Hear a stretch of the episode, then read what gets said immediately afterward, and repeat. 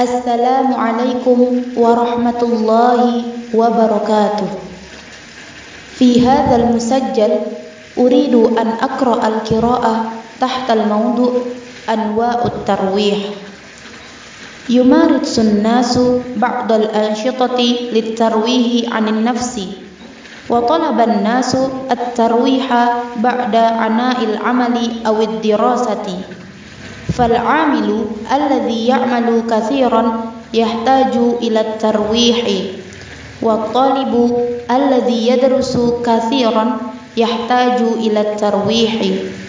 والترويح مفيد للعقل والجسم وليس الهدف من الترويح قتل الوقت وإنما الهدف قضاء الوقت في أنشطة مفيدة.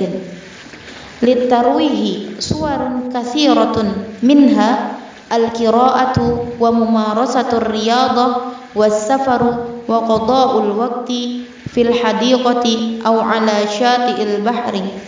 وألعاب الحاسوب وإقامة المخيمات وصيد السمك وزيارة المتاحف. يفضل كثيرا من الناس القراءة. ففيها فائدة ومتعة. فالإنسان يروح عن نفسه بقراءة القصص والشعر والكتب المفيدة. ومن الترويح المفيد ممارسة الرياضة لأن الإسلام يدعو إلى القوة. قال رسول الله صلى الله عليه وسلم المؤمن القوي خير وأحب إلى الله من المؤمن الضعيف وفي كل خير.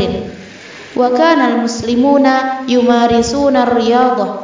قال عمر بن الخطاب رضي الله عنه علموا أولادكم السباحة والرماية وركوب الخيل. من كتاب العربية بين يديك المجلد الثاني الصفحة تسعة وعشرون.